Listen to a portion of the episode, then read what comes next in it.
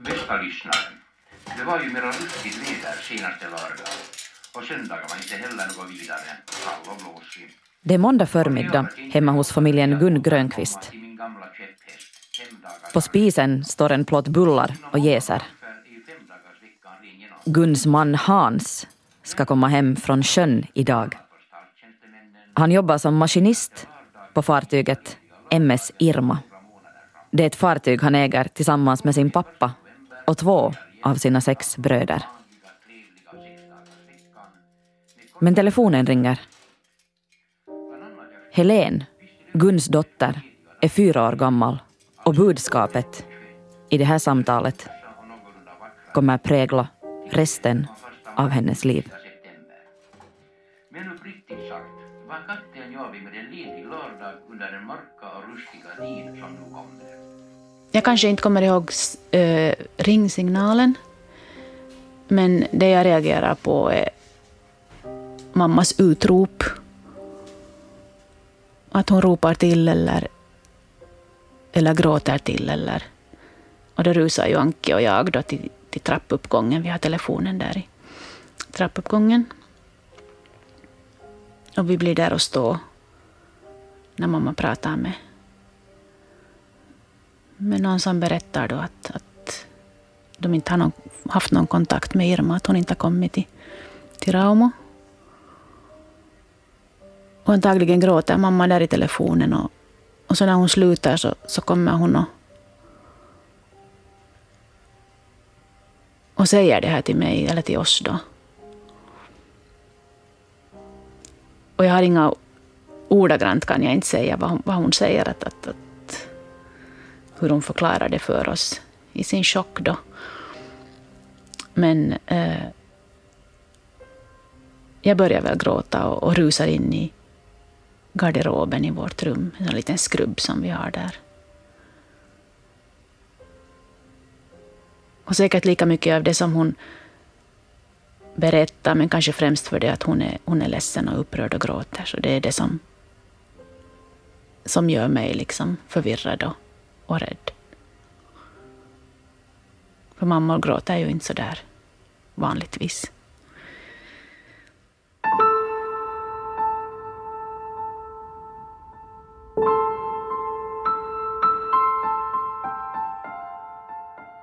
Du lyssnar på Svenska Yle-podcasten Mysteriet Irma. En podcast om fartyget MS Irma som försvann en stormig natt och tog åtta medlemmar av familjen Grönqvist med sig.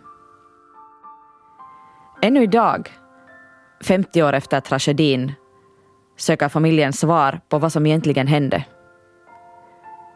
Det här är del ett av podcasten och mitt namn är Frida Frankenhäuser.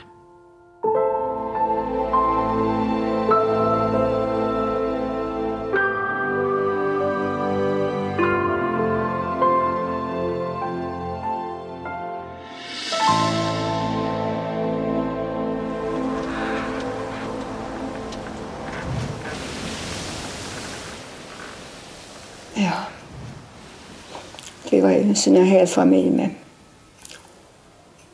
önskebarn. Och sen då stod på trappan. Kramade om honom. Skulle inte ha velat släppa taget. Men bilen väntade. Att lite tårar kom det nog.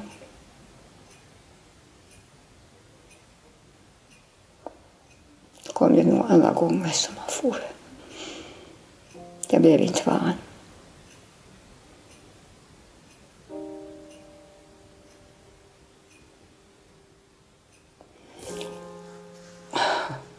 Så hade jag en sån där låt som jag alltid lyssnar på. Att jag står kvar vid ett ensamma fönster och ser hur du sakta vandrar bort.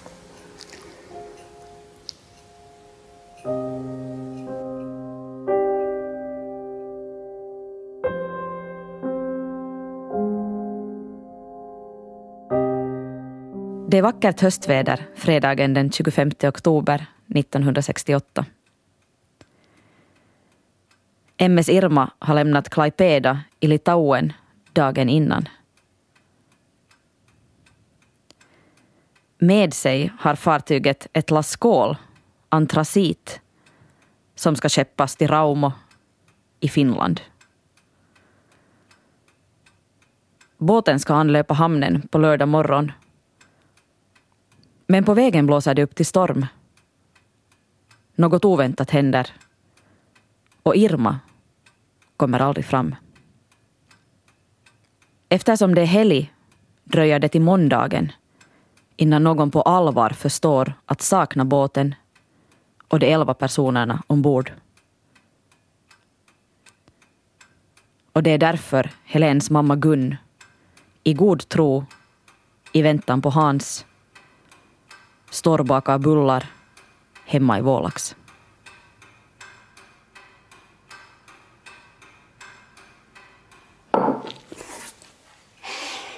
Och så började det. Och då kände du? Det kan man inte beskriva. Det går inte att beskriva.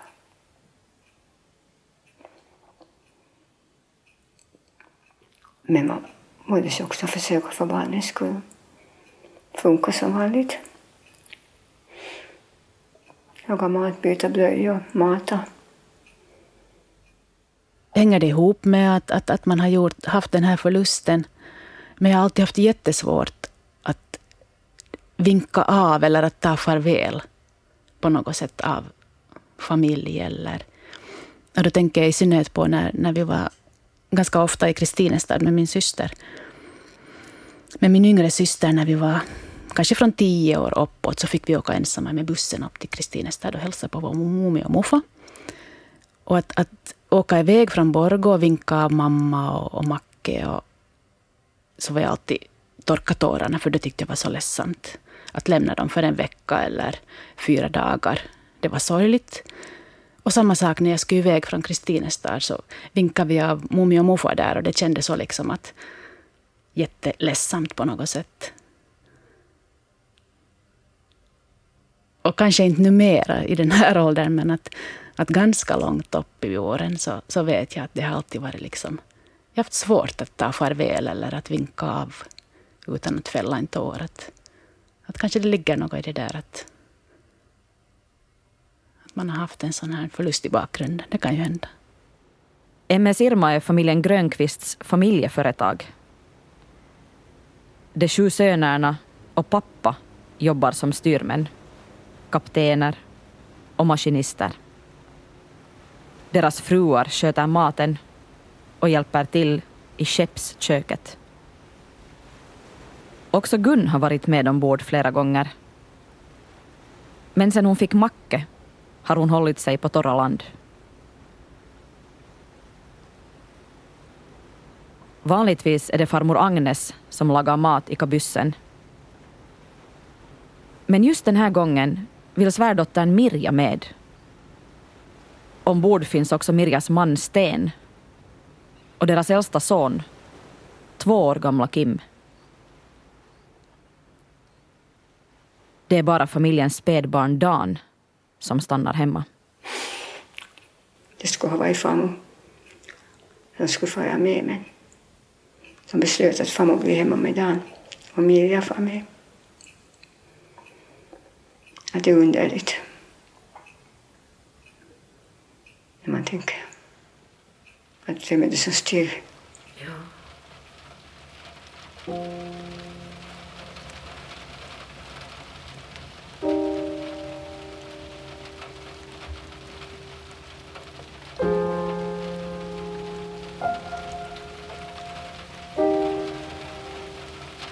Resten av dagen är höljd i dunkel. Folk kommer och går. Telefonen ringer. Det är hamnpersonal och sjöbevakning som hör av sig. Men tydligast är ångesten och krampen inombords. Det var rörigt. Jag tror inte att det var några tidningar då inne med. De kom ju sen. Reportrar.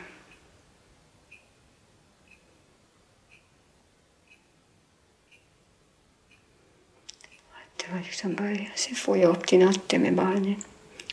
Jag fick väl skjuts upp tror jag, för vi hade ju ingen bil.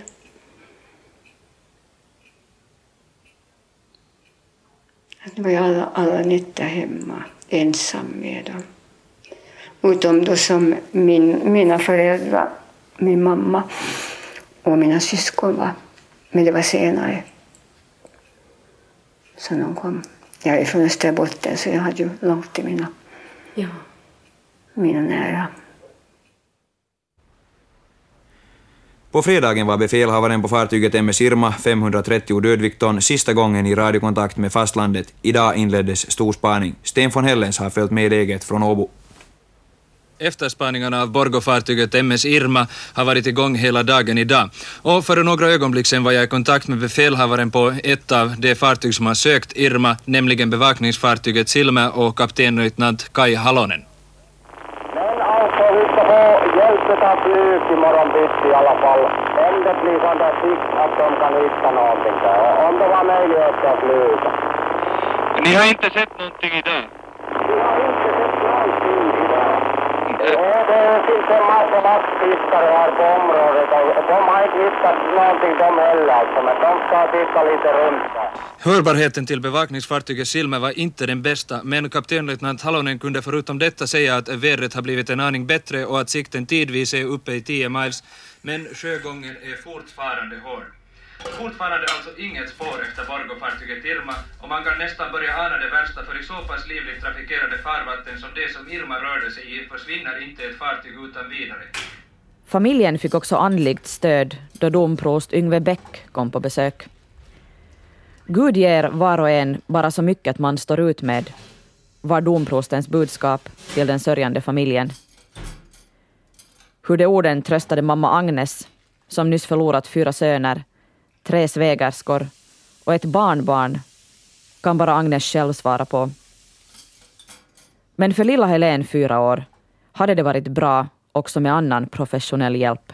Det fanns ju ingen krishjälp på den tiden. Att inte vet jag hade hjälpt att vi hade fått gå i någon slags samtalsterapi eller bearbeta det då när man var barn. Inte, inte vet jag om det har gjort någon skillnad, men att, det tror man ju kanske idag att det behövs när det händer sådana här saker. Och nu tror jag ju kanske själv att, att, att det skulle ha varit bra. Men året är 1968 och i Finland, där tala är silver och tiga är guld, har man ännu inte förstått vikten av att få prata ut då det hänt någonting hemskt. Det blev ju så här för mig att, att det viktigaste liksom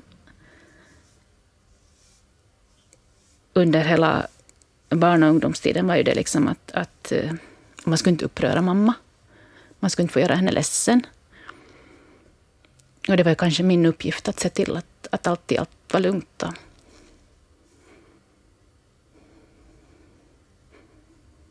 Att det var säkert nog nästan värre den där chocken, säkert då den där första tiden att, att, att folk var ledsna och mamma var ledsen. Och det var ju fruktansvärt när man var fyra år. Att för att man visste att, att det beror på, på att Irma har förlist och min pappa är död. Men, men sen blev det liksom jätteviktigt att aldrig, aldrig göra sånt så att, att hon fick orsak igen att bli ledsen eller upprörd. Eller.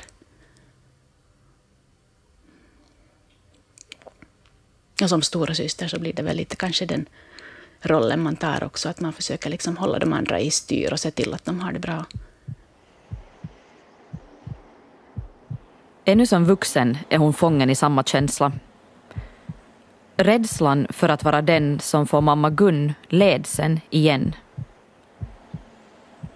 Hon kommer aldrig att glömma det som skedde år 2002. Helen och hennes man hade varit i Stockholm och sett musikalen Chess. Hennes barn övernattade hos mamma Gun och på hemvägen kom paniken.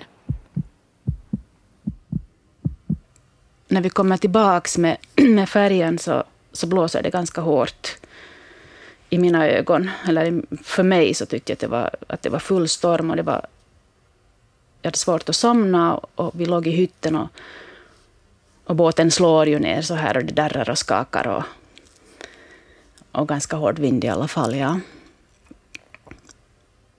Och när det slår mig att vilken, vilken datum det är, att det är liksom den 25 oktober och jag är ute i storm på skifte ungefär. Klockan var tolv på natten.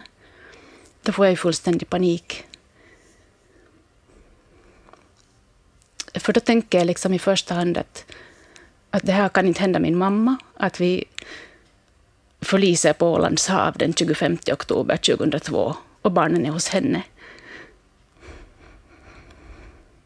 Så det tog en god stund innan, innan jag lugnade ner mig. Men att det där, nu klarar vi ju det, men att just det här att jag tänkte inte i första hand på mina barn eller på, på mig själv, utan jag tänkte på att, på att historien ska upprepa sig. Och det kändes nog ganska jobbigt just då. Men det, allt gick ju bra. Och det visste jag ju säkert innerst inne, men man släpper liksom den här paniken och ta tar överhanden, så då blir ju allt just precis så där så svart som det är ens värsta, värsta mardrömmar. Men så här liksom har jag fungerat ungefär hela mitt liv.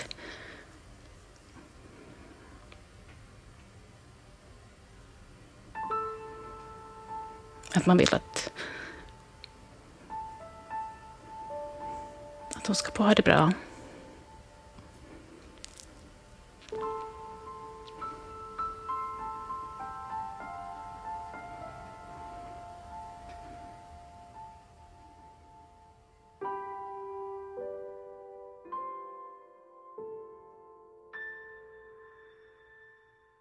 Thomas Grönqvist är 54 år gammal. I halva sitt liv har han intresserat sig för material som är relaterat till MS Irma. På dvd-skivor och i mappar har han tv-nyheter och tidningsurklipp från år 1968. Han har väderlekskartor från dagarna då båten försvann och originalritningarna till fartyget. Nej, jag sa, jag sa då kom, jag kommer bra ihåg att jag sa att, att när, jag, när jag ska bli stor så ska jag söka efter Irma och jag ska hitta Irma. Jag kommer ihåg riktigt bra ännu hur jag sa det och, och hur, hur jag menade och jag nog liksom lite har vid den där tanken hela tiden. Besättningen på Irma det var ju mina, min pappas bröder och deras fruar och min kusin. Och så var det tre andra också att min pappa han, han, han är ju, var maskinist och han, han jobbade ibland där på Irma men han var inte ute just den gången då så, så råkade han vara hemma.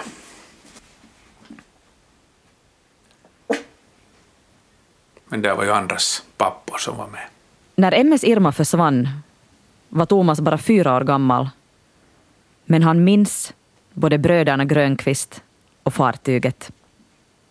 Det kommer jag ihåg att jag har en gång varit ombord på Irma när jag var liten. Att de kom in till Vålaxfjärden.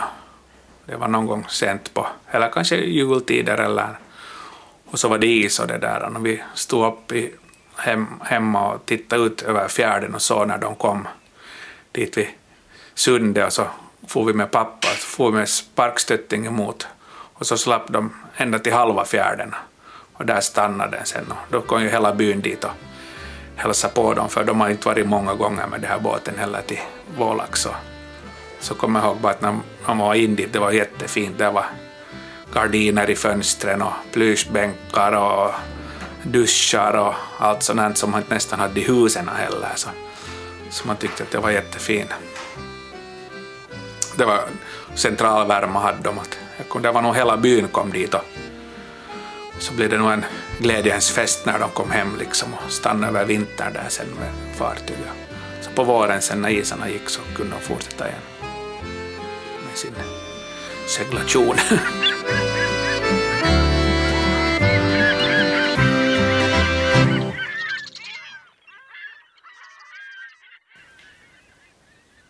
Men sen ändrade det nog livet efter olyckan så blev det nog annorlunda sen.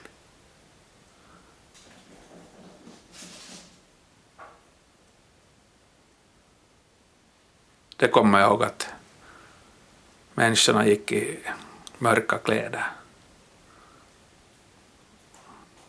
Jag vet inte om det var, var det jag som sa eller var det brorsan som, som sa att förr var alla så glada men nu för tiden så gråter alla bara. Att det är ju, det är ju kanske, kanske något som ett, ett litet barn reagerar på på det sättet. Nu kommer jag ihåg liksom den här stämningen, att nu var det tryckande.